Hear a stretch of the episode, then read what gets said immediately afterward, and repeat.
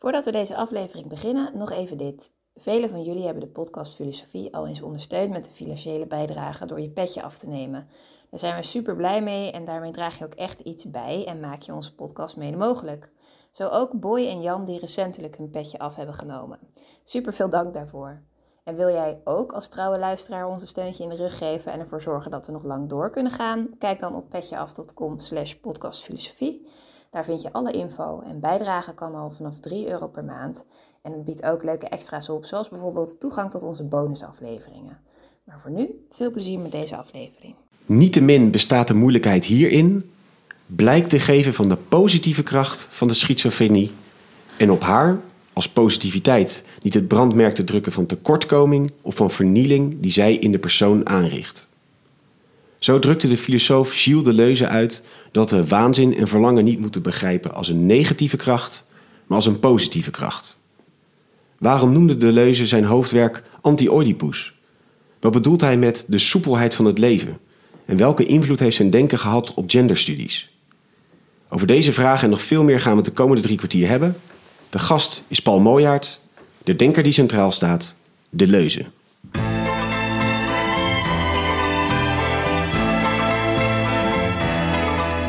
Les où le poids et l'ennui me le dos.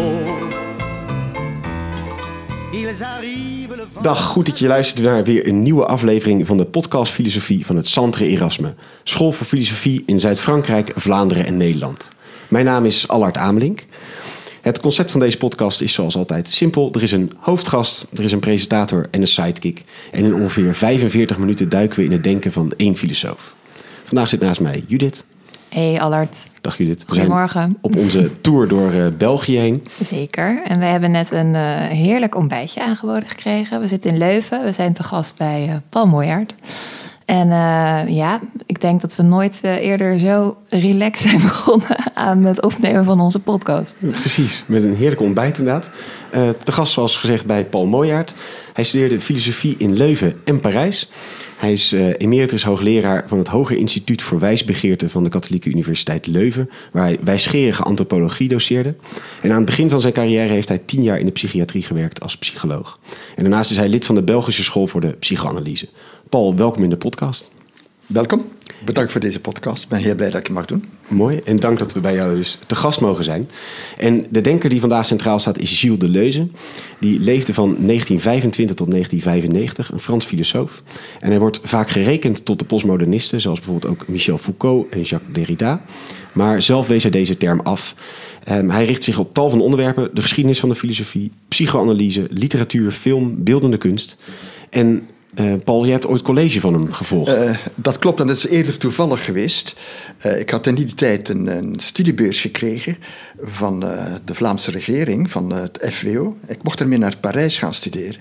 En de bedoeling was dat ik dan colleges ging gaan volgen bij al de coryfeeën. Dat was dus Jacques Derrida opkomend. De gevestigde waarde Jacques Lacan, die heel de, intelligente, heel de intelligentia domineerde. Foucault en onder andere ook Deleuze. En Deleuze gaf toen colleges in eh, Vincennes.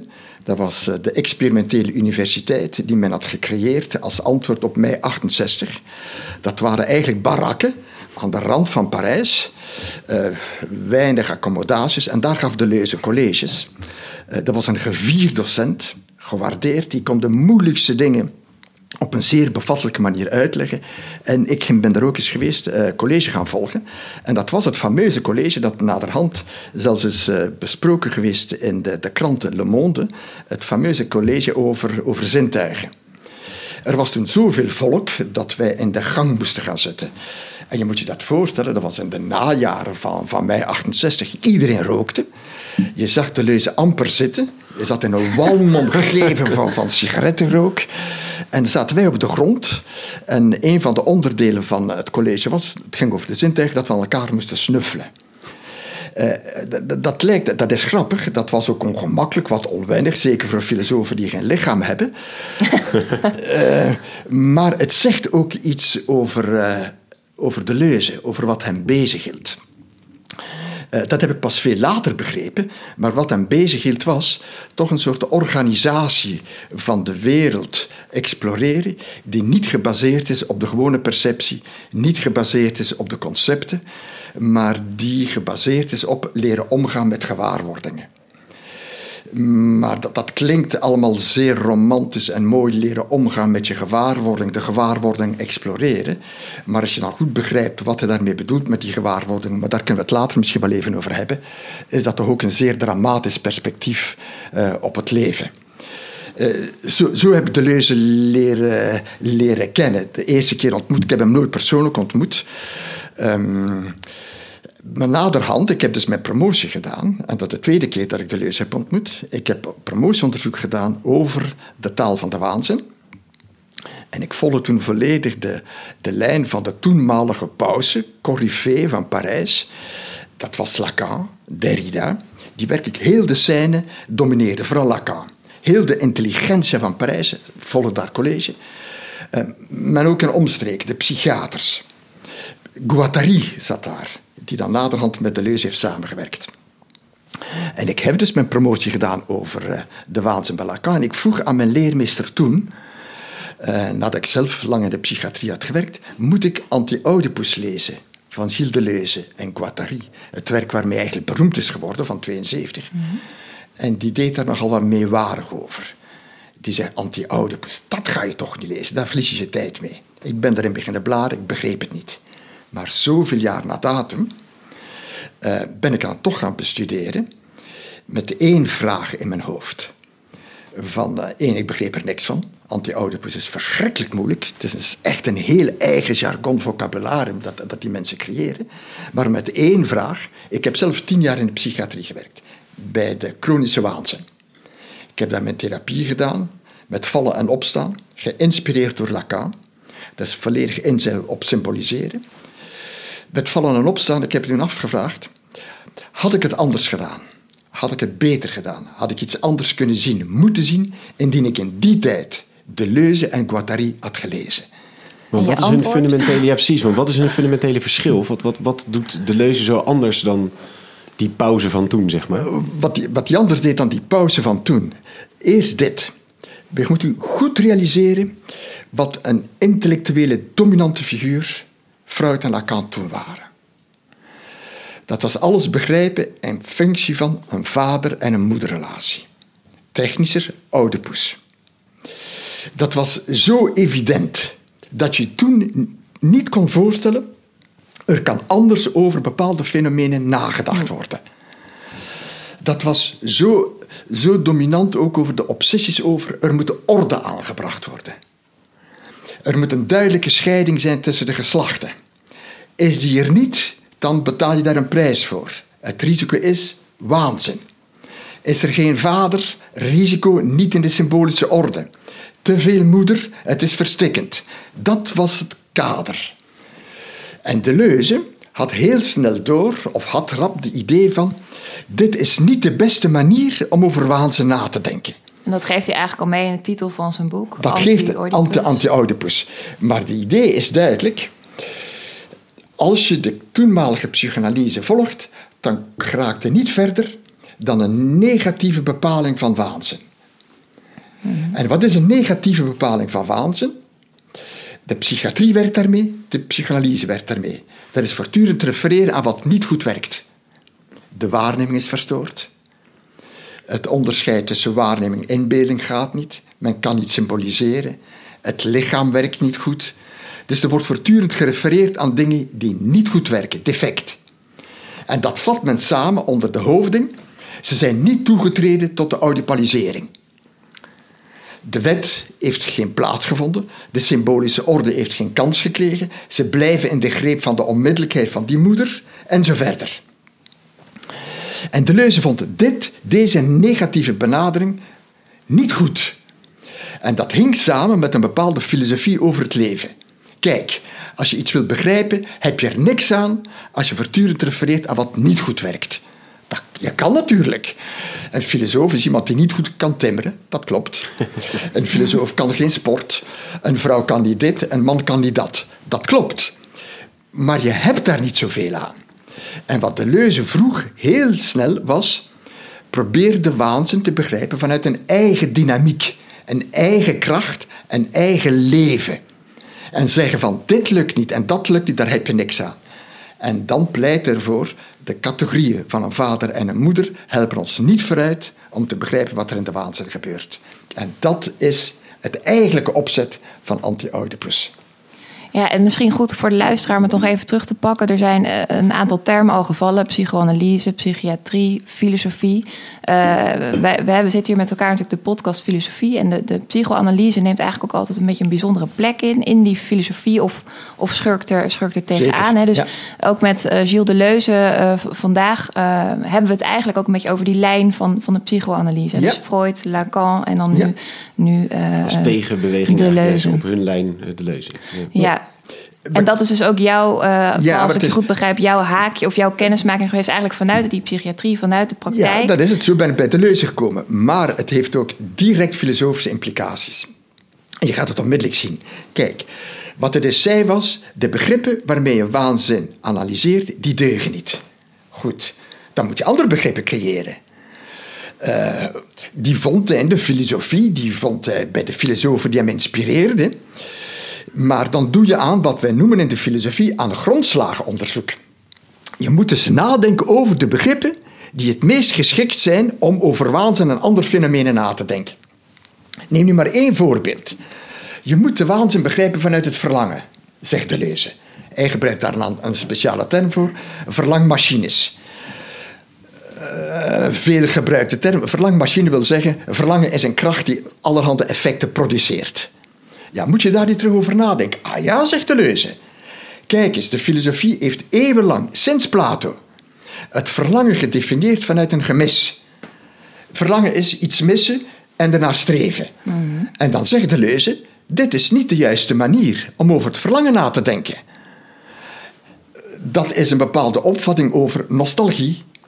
Dat is denken, de waarheid ligt in het verleden ik ben dat kwijt, of de waarheid zal ik ooit kunnen bereiken. En hij zegt, dit is niet de juiste manier. Nog om over het verlangen na te denken, nog om over de waanzin na te denken. Want dan, hier zijn we ook bij die, dat verlangen, dus we zijn het, het is de afwezigheid van iets. Het verlangen is, de, is het zoeken naar de afwezigheid van iets, of komt voort uit iets.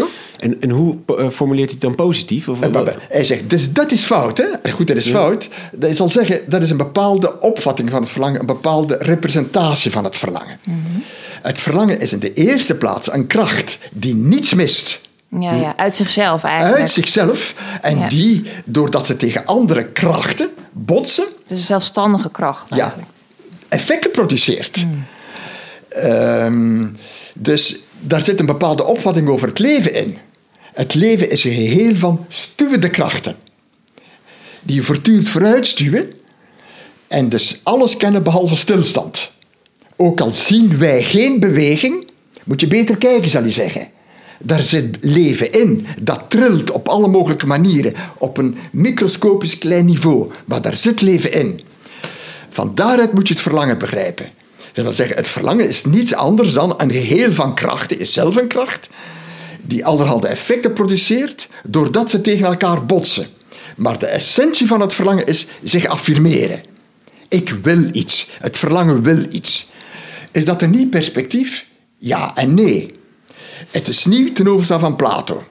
Ook al zegt Plato, het verlangen is een kracht, maar het is een kracht gegrond in een gemis. Ja. Het is nieuw vooral tegenover Lacan. Die wat, wat hij zegt, de essentie van het verlangen is dat je een tekort hebt. Daartegen gaat het in. Is het nieuw in de geschiedenis van de filosofie? Nee. Want daarom, om deze opvatting van het verlangen te expliciteren, kan Deleuze teruggrijpen naar filosofen die hij bewondert. En dat zijn er drie, die van meet aan in zijn carrière een belangrijke rol hebben gespeeld.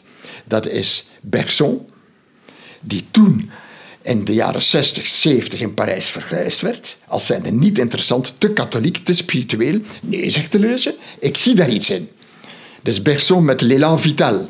Het vitale élan van het leven, dat altijd maar doorgang zoekt. Daar vindt hij een aansluiting bij. Uiteraard bij Nietzsche die zegt, ja, het verlangen gegrond op, op een tekort, dat is het ressentiment. Ik wil iets hebben dat ik niet heb. Maar het echte verlangen is een kracht die er vergaat, die zich uitdrukt, die zich meedeelt. Dat is bij Nietzsche. En uiteraard de enige echte prins van de filosofie, volgens de leuze, Spinoza. Oké. Dat is de god van Spinoza is niets anders dan die gruwelijke producerende kracht, die niet stopt met te produceren, eindeloos, rusteloos. Maar God mist niks. En die Ja. kracht drukt En zich toch uit. heeft hij een kracht om eruit te gaan. Dus het is niet vanuit een afwezigheid, maar vanaf... Juist, dat is het. Het is de energie. Het is de energie die stuurt.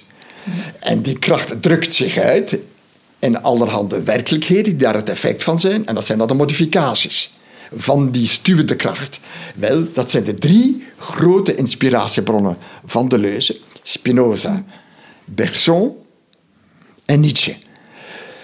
En hij begon terug die auteurs te lezen, vooral Bergson, op een moment dat men in Parijs daar weinig aandacht voor had.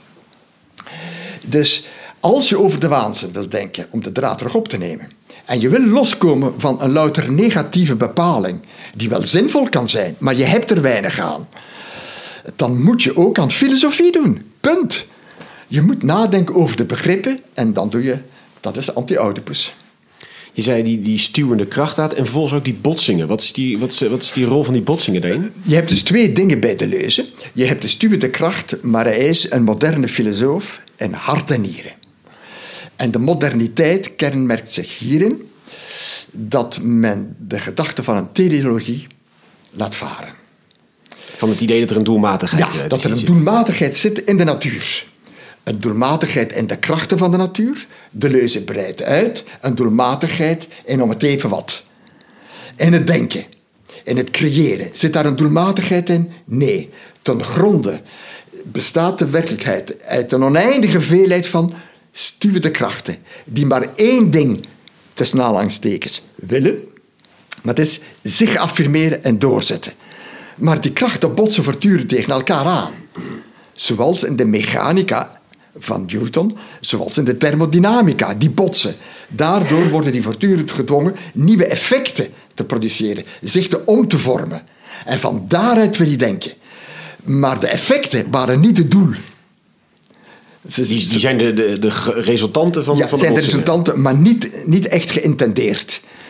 En dus heel de werkelijkheid is een enorme productiviteit van krachten, die constant andere effecten veroorzaakt, lichtjes wijzigend, voortdurend, maar die je zelf niet vanuit het gemis moet begrijpen. Maar vanuit de kracht van het verlangen. Vanuit de kracht van het verlangen, maar dan moet je goed weten, het verlangen is niet iets missen. Ja. Het is doorzetten, uitdrukken, meedelen, zich uitdrukken, zoals de goddelijke substantie zich oneindig uitdrukt. En dat is de reden waarom hij eigenlijk afstand nam, gaandeweg meer afstand nam van Lacan, en met alle moeilijkheden van die. Paul, nu heb je verteld over, over die, die, die kracht van het verlangen, dat ze gewoon affirmeren en dat je dan allerlei botsing krijgt. Hoe, eh, ja, kan je daar iets meer over vertellen? Hoe gaat dat? Ja, absoluut. Eh, als ik enkel de term botsing gebruik en wrijving, dan zitten we natuurlijk in de mechanica van Newton. Duwen, trekken, stoten. Maar de leuze ziet nog iets anders. Eh, hij ziet iets anders. Hij ziet, hij ziet in die krachten ook een grote soepelheid, beweeglijkheid, wat je dus niet hebt in de mechanica, maar bovendien een creativiteit. Ze zijn in staat steeds nieuwe vormen te produceren, nieuwe effecten, lichtjes anders, kleine variaties, beweeglijkheden. En die nieuwe, die nieuwe vormen, uitingen, dat begrijpt je vanuit de volgende gedachte.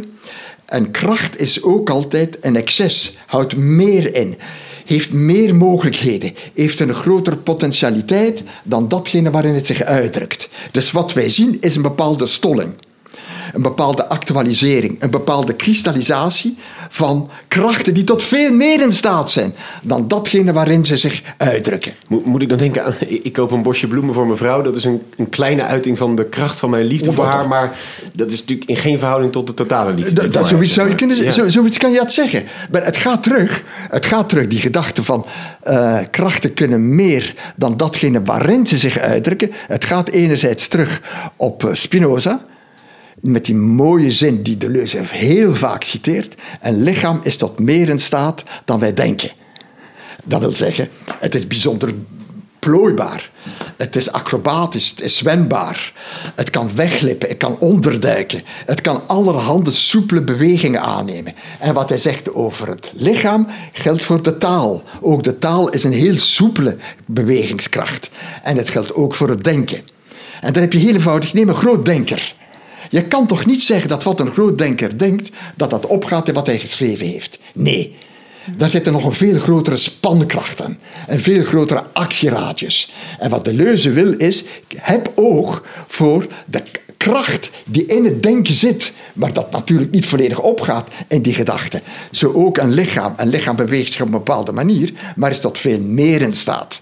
En dus wat de leuze wil, is de creativiteit, de soepelheid, het verrassende, het vindingrijke. En ook dat heeft hij van Bergson. En dat is de reden waarom het nooit goed zal lukken klikken tussen Deleuze en Freud. Is die creativiteit die Freud niet in de driften ziet en die Deleuze wel in de driften vindt. Vandaar dat hij een grotere sympathie heeft. Ook al heeft hij dat nooit systematisch uitgewerkt. Voor Jung meer dan voor Freud. En ik wil er nog een voorbeeld geven. Neem een sterk beeld. Ook daar zit leven in. Dus als, als de Deleuze het heeft over de krachten van het leven, gaat dat niet enkel over het leven van levende organismen, maar de kracht van het denken, van een beeld, van een woord. Wel, een sterk beeld is een beeld dat veel oproept, dat zelf veel nieuwe beelden genereert. Wel, zo moet je nadenken over het leven bij, bij Deleuze. En hij ziet dat er ook reeds een nucleo aanwezig in de waanzin. Ja. En dat is de kracht van een sterk idee of de kracht van, Een, ja, van, van, van woorden. Van, ja, een, een, sterke, een sterk idee, dat is duidelijk wat we bedoelen. Dat is een grote zeggingskracht, grote expressiviteit. Heeft die idee dat op zichzelf, uit zichzelf? Ja en nee, voor een deel wel. Maar ook vooral door de andere ideeën die daarmee in aanvaring komen. Een zeer complexe tekst van Heidegger. Dat is een tekst die nog veel nieuwe effecten zal produceren een, gewone opinie uit de krant veel minder, bijvoorbeeld. Dus er zit daar een interne spannenkracht in. Maar die interne spannenkracht moet ook andere krachten, heeft ook andere krachten nodig om dat te produceren. En dus de leuze probeert, om nog eens terug te komen naar het eerste punt, probeert de waanzin, alsjeblieft, vanuit die invalshoek te begrijpen. Maar je moet je dat realiseren. In 68 Iedereen had toen de mond vol over de defectopvatting van de waanzin. Die, alles stijgt in elkaar. Nee, zegt de leuze, niet alles stijgt in elkaar. Wanen, die produceren ze. Wanen is iets wat men in de waanzin tot stand kan brengen. Rare wereldbeelden, rare visioenen, hallucineren. Kan jij hallucineren? Nee. Dus de waanzin kan iets wat jij niet kan. Is een soort creatieve kracht. Maar natuurlijk. Waarmee ze terzelfde tijd uitdrukking geven aan wat hen bestookt, er vorm aan geven wat kanaliseren, maar ook weer de beweging op gang houden. Dat klinkt allemaal rooskleurig, maar je moet toch eens de perspectiefwijziging nagaan die daar gebeurt. Zeggen dat wanen geen defect meer zijn, maar iets is dat wijst op een kracht van de geest om enorme systemen te maken. Nee, Freud zei van Schreber, echt een waanzinnig systeem. Ja, het was toch allemaal, het hing toch maar met haken en ogen aan elkaar. Het is toch jammer dat die verstandige man zo'n rare theologie maakt. Die nergens opslaan. En wat zou de leuze zeggen? Zie eens, zie eens, eh, wat een grote visionaire man dat was. Ja, de, de samenleving had er niks aan, maar dat is mijn probleem niet.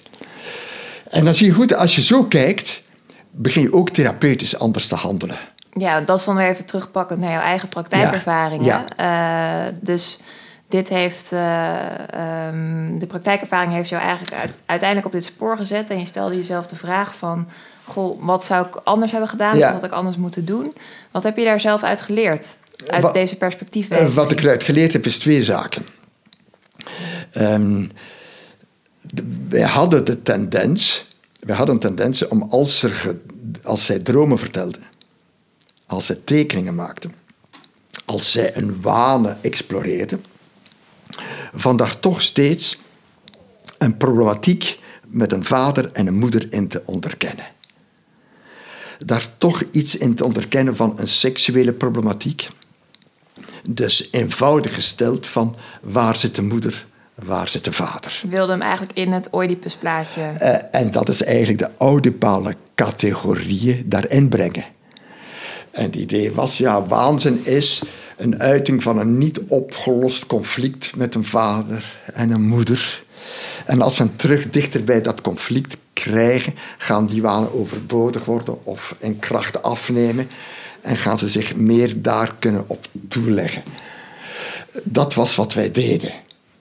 Dat is, technisch gezien, wat zij zeggen, begrijpen als symbool uittrekking van een bepaalde verhouding vader-moeder.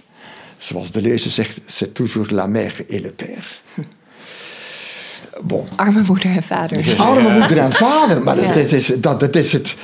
Uh, en natuurlijk, de psychoanalytici in die tijd waren verstandig. Ik mag dat niet letterlijk nemen. Het gaat niet om de letterlijke moeder en letterlijke vader. Het gaat over de moederfunctie en de vaderfunctie. En de leuze die verdomd intelligent was, die zegt: Ja, dat klopt, dat is een verschil. Maakt dan nu zoveel verschil uit? Of dat je de, de moeder begrijpt van een functie en een vader als een functie? Nee. Het is, je moet het gewoon niet begrijpen vanuit de moeder en de vader. Maar dat houdt in, ze hebben andere problemen dan een moeder en een vader. En maakt er geen rooskleurig bestaan van.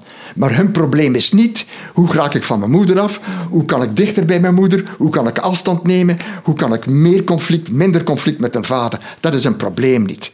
Wat is een probleem wel, zegt de leuze? Wel, die blootstelling. Enorme blootstelling. Aan krachten die zich amper structureren. Hmm. En dat bestookt hen.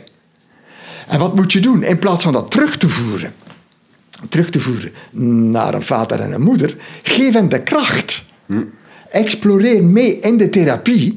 Geef hen de kracht om bijvoorbeeld als ze wanen, die wanen verder uit te breiden. Maar hij erkent het dus wel dat zij een probleem hebben. Hè? Dat wel. Dus het is niet een rooskleurig verhaal van... joh, Super uh, je zit in de waanzin en uh, dat, is, uh, dat is top. Ja, en dat, is, dat is ook misschien goed ja, nee, nee, maar dat, dat, is echt belangrijk dat je dat zegt omdat dat is ook mijn aarzeling, mijn vrevel zelf, wanneer de leuze en Guattari gelezen worden in culturele studies. Want Guattari, misschien, eh, eh, wie, wie is Guattari? Guattari is een sociaal filosoof die in die tijd, ook in mei 68, gepokt en gemazeld was in de linkse kringen van Frankrijk, Marx, Lenin en Trotsky, in die politieke discussies zat, maar tegelijk de stuwende kracht was van een indrukwekkende psychiatrie ten zuiden van Parijs, 50, 60 kilometer Parijs, Laborde. Met een heel eigen opvatting over, uh, over psychiatrie.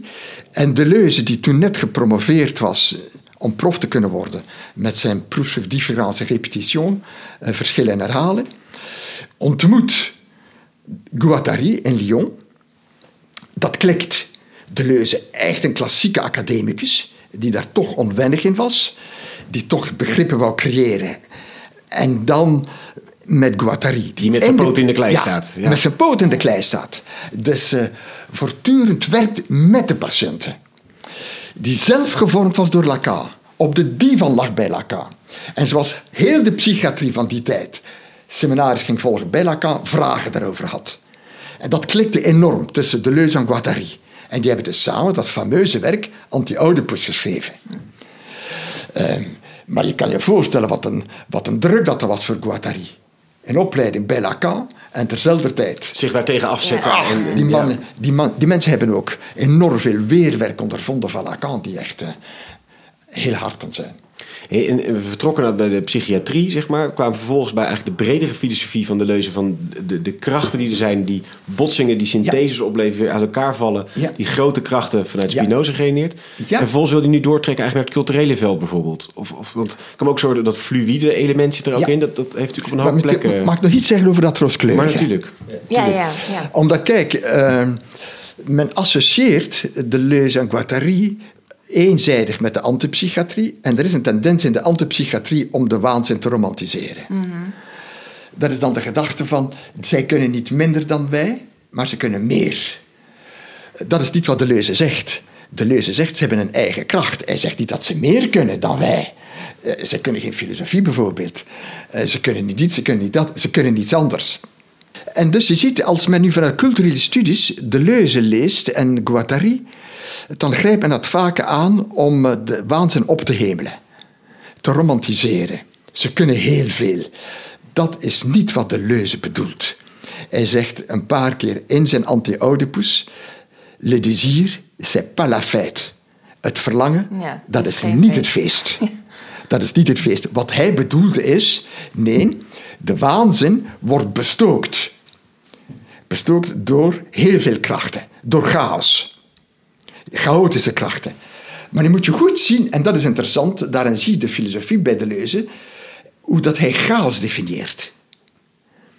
De chaos wordt niet gedefinieerd zoals eh, in het christendom, als, zoals Aristoteles, het formeloze, het amorfe, waar geen vorm in zit, waar geen differenties in zitten. Zo niet.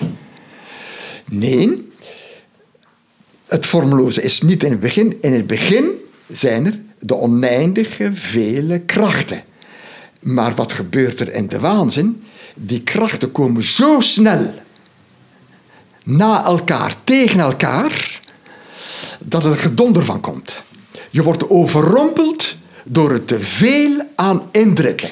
Ja, dus Ja. je moet niet vergeten dat zeg maar, eh, vanuit de kliniek die mensen lijden wel. Maar natuurlijk hè? lijden die. Ja. Maar ze kunnen ook iets, ze doen Ja. ook iets. Dat is wat hij wil. Ja. Maar ze lijden dus eigenlijk niet aan iets anders of iets extra, maar meer eigenlijk aan een teveel van het, wat er gewoon altijd is. Ja, dus dat het, is is- een soort, het komt bij hen harder binnen of zo? Of, of Juist, het komt- zo, het- zo, zo begrijp ik het. Dus wat er, waar ze dan aan lijden, is een te veel aan indrukken die te snel op elkaar komen en binnenkomen. Dus vandaar dat in een moment van crisis zeggen ze bijna allemaal hetzelfde. Er zit te veel in mijn hoofd. Het Ja. moet stoppen. Maar wat moet er stoppen? Een gedachte? Nee. Het zijn die indrukken die te snel op elkaar komen. Ja. Dus je moet het denken, eh, vermoed ik, in de zin van flesjes. Lichtflitsen. Losspringende in- indrukken. En in een moment van crisis, in een moment van crisis komt die ene indruk, impressie, na de andere zo snel dat je, dat je geen ademruimte niet meer hebt. Je wordt bestookt. Je wordt bestookt, zou je kunnen zeggen, door een teveel aan krachten, teveel aan indrukken, door de vele effecten van de krachten die veroorzaken. En die zijn er, Ja. maar ze komen te veel binnen. Te veel binnen. En dan is de vraag, wat moet je doen? Nu komen we terug. Wel, eh, eh, de psychanalyse zou opnieuw zeggen, je wordt blootgesteld aan het teveel aan krachten, omdat je structuur mist. Ja. Zij zullen zeggen... Komt er een kadertje terug, zeg maar, waar je het- zit, je zit in de onmiddellijkheid. De onmiddellijkheid van je lichaam. Al die gewaarwordingen. Dat zijn allemaal effecten van krachten. Al wat je voelt, gewaar wordt. eh, dat komt zo snel. Eh, je hebt geen woorden gevonden. eh, je hebt geen structuur gevonden. En dan komt het grootste van te lezen. Dat is hun problematiek. Maar zij slagen er ook in, nu en dan, om daar toch een eigen weg te vinden. In die veelheid van krachten. En die eigen weg zal niet lopen via audipalisering, minder moeder, meer vader. Zal niet lopen via mensen aan het werk te krijgen. Dat is zijn kritiek tegen een bepaald soort maatschappij, die mensen alleen maar wil adapteren. Nee, de oplossing zal eerst en vooral in bestaan een juiste ritmering te vinden.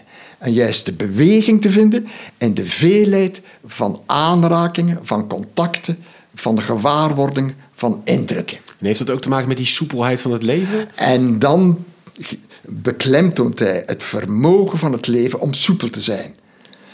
Dus die klanken komen binnen, het leven is soepel. Kan toch meedansen met die klanken. Het licht komt binnen. Men kan toch meeglijden, meesurfen met de vele lichtindrukken. En hoe zal men dat doen? Met de klanken? Door te neurien. Allemaal Door te- andere manieren. Andere patiënt manieren. andere manier. En dan, waar is het symboliseren? Is niet meer aan de orde.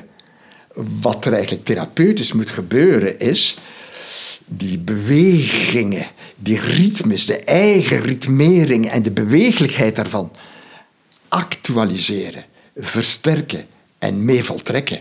En niet aan te passen, eh, niet te adapteren aan hè, doe maar normaal, ga maar Oh, niet. Terug in je Niet structuurtje. drie keer in je Oh, vingers ik ga knippen, je, maar Ik ga je een heel mooi voorbeeld geven. Een heel mooi voorbeeld geven dat op het einde staat van Anti-Oedipus. Want het is een abstract werk grondslagen, de begrippen nadenken waarmee je over de waanzin moet denken. Maar het heeft ook directe, praktische, therapeutische adviezen. Voor de familie zelfs van de waanzin. Dat is het, e- het einde van het boek. Daar geven zij een prachtig citaat van een psychiater, vrouwelijke psychiater, Manoni, een grote corifee in die tijd. En die schrijft een brief naar het ministerie van Volksgezondheid met de opmerking: Ik heb hier een adolescent, een schizofrene jonge man, en zijn beste therapeut is de garagist. Hebben wij een samenleving waarin de beste therapeut voor een schizofrene man, jonge man, een garagist zou kunnen zijn? Daarmee sluit de leuze af. En de leuze maakt daar de opmerking, de leuze aan Guattari, maakt dan de opmerking: kijk, Manoni is hier echt geen pleidooi aan het houden voor kunnen wij deze mensen terug aan het werk krijgen? Kunnen wij ervoor zorgen dat deze mensen voor, meer, voor minder sociale overlast zorgen? Kunnen wij ervoor zorgen dat ook deze mensen terug economisch rendabel worden? Dat is niet wat zij bedoelt. Zij bedoelt dit. Die jongen was gefascineerd door techniek. Maar wat fascineerde hem techniek? De bewegingen, het lawaai, het geronk, de snelheid van de wielen die draaien, met het lawaai, het op en neer van, van voorwerpen. En je kan goed voorstellen in de les dat als hij colleges krijgt, les krijgt over wiskunde, dat, dat die man, hij wordt dat erover spoelt. Hij, wordt er, hij, hij vindt daar zijn weg niet in. Maar in die garage is datgene wat hem obsedeert. De vele radertjes die lawaai maken, die banden die draaien, dat piepen en zo verder. Ineens krijgt dat een plek. Krijgt dat een plek en kan hij in plaats van nog, van nog te vechten tegen het lawaai, door de handeling die hij stelt, meedansen met. En je ziet het. Hij draait onder die wagen. Hij kruipt in de motorkap. Hij laat zich zakken en de olie lekt en zo verder. Dan is hij één met het lawaai, met datgene wat hem obsedeert. Is het nuttig wat hij doet? Ja. Is het daarom? Dat is niet van belang. Hij vindt zijn ritme in de vele krachten die hem bestoken. En wat de leuze suggereert is, eigenlijk zou een therapie daar oog moeten voor hebben. Wat zijn de punten waar hij iemand die aan waanzin, worstelt met waanzin, terug aansluiting kan vinden? Niet met de samenleving, niet met de school, maar aansluiting kan vinden met de krachten die hem langs alle kanten bestoken. Ja, ja. Sommigen doen dat met de taal. Er zijn mensen die. eh, Hij geeft zelf het voorbeeld van eh, een man in New York. die bestookt wordt door het Engels. Ja, je zal maar pech hebben als je Engels wordt. Maar hij slaagt erin om met dat Engels allerhande woordspelletjes te maken. die om te zetten in andere talen. En wat hij dan doet is, raar maar waar. Hij begint gaandeweg ook wat ritmes te vinden. te dansen in de taal. En hoe beter hij dat kan, hoe meer dingen hij kan. Kan hij ook op straat lopen, kan hij gaan studeren. Dat heeft allerhande effecten. Maar het eigenlijke probleem zit in die krachten die je bestoken en dat je daar iets kan mee doen. Ja. En dat is eigenlijk waar de leuze therapeutisch ook op wijst. En waar heeft hij dat van? Hij heeft dat van zijn Guattari. Dus Guattari, gepokt en gemaalst in de politiek, in de linkse politiek, de leuze niet. Eh, een kleine anekdote, heel mooi, om te tonen wie de leuze was. Men vroeg hem in een interview, eh, luister eens, al die intellectuelen van jouw generatie, die zaten toch in de politiek? Eh, jij niet. Wa- waarom heb je daar geen... Ach, zegt hij, ik zat niet graag in vergaderingen. Ik vond dat zo vervelend. Bovendien zegt hij, daar waren heel veel verstandige mensen bij. Het is jammer dat veel van die mensen geen doctoraat hebben gemaakt in de filosofie en in de politiek. Dat is de leuze. Hij verheerlijkt het denken. Hij verheerlijkt het denken, maar dus niet het politiek engagement. Het is echt, echt een klassiek filosoof in de, in de, in de gewone zin van het woord. Van Guattari heeft hij wat? Wel, dat patiënten niet meer in de gewone therapie kunnen, maar die liepen rond op het domein in Laporte. Liepen daar rond in het domein. Die bleven haperen bij een ezel. Die bleven haperen in de wasserij. Die raakten dat aan. Die gingen gaan zitten. Die rolden daarin. Die verstoorden de orde in de keuken. Maar Guattari vroeg aan alle mensen die daar werkten, die liefst ook in therapie moesten gaan om de angst die dat met zich meebracht aan te kunnen, die vroeg aan, let op de ritmes van het contact. En dat contact hier even aanraken, dan naar gender. En je ziet de patiënten, als het lukt, zo beginnen pirouetteren. Meedansen, glijden met de krachten van het leven. Dat is waar de therapie moet over gaan. Mooi. Eh, wat ik net al zei, eh, we hebben volgens mij het rooskleurige volgens mij ook goed uh, getackeld. Want hiervoor Mhm. stelde ik toen die vraag. Uh, dus volgens mij een heel goede aanvulling dit. Um, die vraag van uh, op andere terreinen op het gebied van de, van de cultuur. Dat fluïde hadden we het ook over. We hadden het even over genderfluiditeit ja, ja, hiervoor. Mhm. heeft hij daar ook invloed op gehad? Of op, op welke terreinen kwam dit nog meer terug, zijn, zijn filosofie? Dus de Leuze uh, die lange tijd in de marge van de officiële coryfeeën heeft gewerkt. Met fil filosofen heeft gelezen. Die men in die tijd soms uh, niet interessant vond. Bergson, David Hume, die las hij. Is raar, maar waar, is eigenlijk, zijn werk is eerst opgepikt geweest in de cultuurwetenschappen, kunstenaars. Die vonden daar inspiratie in, maar ook door de genderstudies. En eerder daar en pas later in de echte academische setting. En ik denk dat de Leuze dat echt applaudisseerde, toejuichte. Omdat hij had er lak aan. Hij vond het verschrikkelijk dat filosofie verarmd werd tot een analyse van concepten waar bloedeloos werd, waar niks meer in zat. Dus hij had liever dat men met zijn concepten allerhande nieuwe dingen deed, dan dan steriel begrippen uitlegde. En dus de eerste die dat hebben overgenomen zijn de seksuele studies, de gender, transgender, feministische studies. Ja, die dus ook niet in het traditionele ja. vader-moeder ja, wilden dat is het. Ja. En, en dat was een onderdeel. De Leuze keerde zich ook niet enkel tegen Oedipus, maar keerde zich ook tegen de obsessie van de psychoanalytici in die tijd van je moet een strakke seksuele differenties hebben. Plus, min, man, vrouw. Hoe dat u daar tegenover positioneert, dat is nog iets anders. Maar alsjeblieft, zie dat er een strakke scheiding is, of je gaat er een serieuze prijs voor betalen. Dat is de wanorde, de chaos. Wat de Leuze zegt, niet dramatiseren. Eén, uh, de chaos is er, maar in de seksuele differentie, mensen, heel veel mensen kunnen perfect goed leven in het onduidelijk van de onderscheidingen. Mm. Wie er niet goed kan mee leven, is de doorsnee mens, de neuroticus die vaste patronen nodig heeft, die heeft daar problemen mee. Maar alsjeblieft, veralgemeen de problemen van de neuroticus niet met die van de mensheid.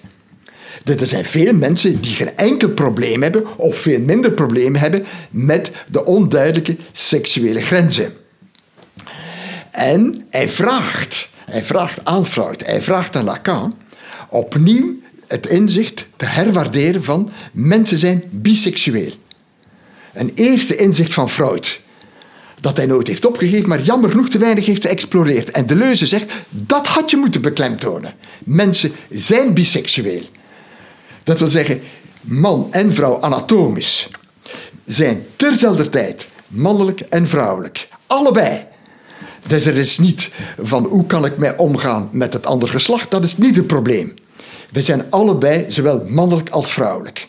Maar de transgenderstudies hebben dat gebruikt als volgt: van als je u niet kunt identificeren, psychisch, mentaal, met uw anatomische identiteit, en je hebt het verlangen om naar een ander geslacht te gaan, man of vrouw worden, dan kunnen we bij de Leuze daar een steunpunt voor vinden om de oversteek te maken naar de overkant. Ik weet niet of de Leuze precies dat is wat hij bedoelde. Maar dan, dan denk je het verlangen misschien ook weer juist vanuit een gebrek, van een gemis. Van, van, van, het niet man van zijn. het niet man zijn of het niet vrouw dat zijn. hangt er vanaf. Dat hangt er vanaf hoe je het formuleert, Judith. Maar je zou kunnen zeggen, het is niet het verlangen van niet man zijn, dat zou de psychoanalyse zeggen. Mm. Je hebt een afkeer. Je weert het mannelijke in u af en daarom wil je naar het vrouwelijke. Ik denk dat transgenders die dus eerder zouden zeggen, je weert het mannelijke niet af, als zodanig. Je wil vrouw worden als man. Mm. En Positief. omdat je vrouw, Ja, ja. positief. Ja. En omdat je vrouw wil worden, wil je het mannelijke niet. Het is niet, je wil het vrouwelijke omdat je het mannelijke niet wil. Nee, ik ben ten diepste vrouwelijk en daar wil ik het mannelijke Ja. niet. Maar wat de leuze zou zeggen is, denk ik, iets zal er niet veranderen als je de oversteek maakt. En wat zal er niet veranderen? De biseksualiteit. Dus met andere woorden, of je nu de oversteek maakt of niet, die spanning tussen mannelijk en vrouwelijk en trekken daartussen, dat zal altijd blijven bestaan. En het tweede wat hij zal zeggen, luister dier, ook het seksuele, daar mag je niet denken in grote categorieën. Nee, het seksuele speelt zich af in kleine gewaarwordingen. En daar ben ik perfect biseksueel. In de beweging van mijn hand, in mijn stem, in de wijze hoe ik me kleed, hoe ik me beweeg, in een karakter. Dus dat biseksuele, dat drukt zich uit in zoveel oneindig kleine details. Nog kleiner dan dat wij het gewoon kunnen waarnemen. Daar speelt zich dat af. En niet in die grofmazige categorieën van het heteroseksuele genitalige geslachtsvereniging. Maar nee, dat is een oppervlaktefenomeen. Daaronder beweegt het op alle mogelijke manieren. Temperament, tonaliteit, hangt samen met de zon, met de stand van de maan, met de mensen die je ontmoet. Dat is de beweeglijkheid van het leven. En de leuze zal, denk ik, eh, de seksuele identiteit en differentiatie vooral dedramatiseren. En ze ook zeggen van, je hoeft ook geen dramatische oplossingen, want het is voortdurend aan de gang. Dankjewel, Paul. We hebben ontzettend veel gehoord. Het, het boeiende vind ik, denk ik, we zijn begonnen bij uh, uh, de waanzin. En uh, jouw eigen achtergrond erin, die daar een stukje overlapte met de leuze. En Guattari, met, die daar te poot in de klei stond. Over de psychiatrische problematiek die mensen tegenkomen, over de waanzin die ze zien. En eigenlijk deed de psychoanalyse telkens daar een soort, zeg, wierpen een frame uit, een kader waarin ze dat continu plaatsten en probeerde eigenlijk waanzinnige daarin terug te plotten. En wat uh, de leuze heel erg zegt is, ja, we moeten niet naar dat frame toe, niet die klassieke moeder-vaderrol. We moeten dat veel meer fluïde zien als een beweging. Mhm. En dan ten tweede vooral belangrijk, ook niet als negatief framen, als het afwezigen van het, het, het normale, maar het zien als een, een kracht. Uh, als, een, als een kracht in zichzelf. En uh, dat trekt hij eigenlijk breder, namelijk dat hij zegt dat eigenlijk alle dingen, ook het, het verlangen is niet het verlangen naar iets wat afwezig is, maar is een kracht in zichzelf. Die krachten die botsen vervolgens op allerlei plekken met elkaar, vormen uh, verbanden en vallen weer uit elkaar. Daar zit creativiteit in, daar zit levenskracht in, daar ontstaan nieuwe dingen.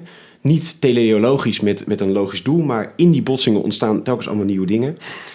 En als we dan bijvoorbeeld terugkomen naar die waanzin, dan is het niet zozeer alleen de bedoeling om het te, te, te tackelen en in te dammen, maar eigenlijk proberen met die krachten mee te bewegen, te, een beetje te dansen met het leven, de kracht te vinden om met die bewegingen om te gaan. Dat is niet iets rooskleurig dat waanzin daarmee iets heel leuks geworden is, maar het is wel, we moeten er niet alleen tegen vechten, maar we moeten proberen eigenlijk die krachten op een goede manier toch enigszins te kanaliseren en zo het leven door te gaan. Buitengewoon interessant volgens mij. We hebben ook de actualiteit gehoord met genderstudies en hoe de Leuze daar een enorme bijdrage aan heeft geleverd. Um, zeer dank voor je heldere verhaal, wat volgens mij toch complexe materie is, maar, maar zeer helder is geworden. Dankjewel Judith ook voor jouw uh, sidekick-rol en uh, ding. Ik vond het zeer interessant. Jij dank voor het luisteren. Um, waardeerde je deze aflevering? Uh, laat het ons vooral weten. Heb je suggesties of tips voor ons? Laat het ook vooral ons weten. En vergeet je niet te abonneren of een, een recensie achter te laten. Dat, dat waarderen we zeer. Dank voor het luisteren en tot een, een volgende keer.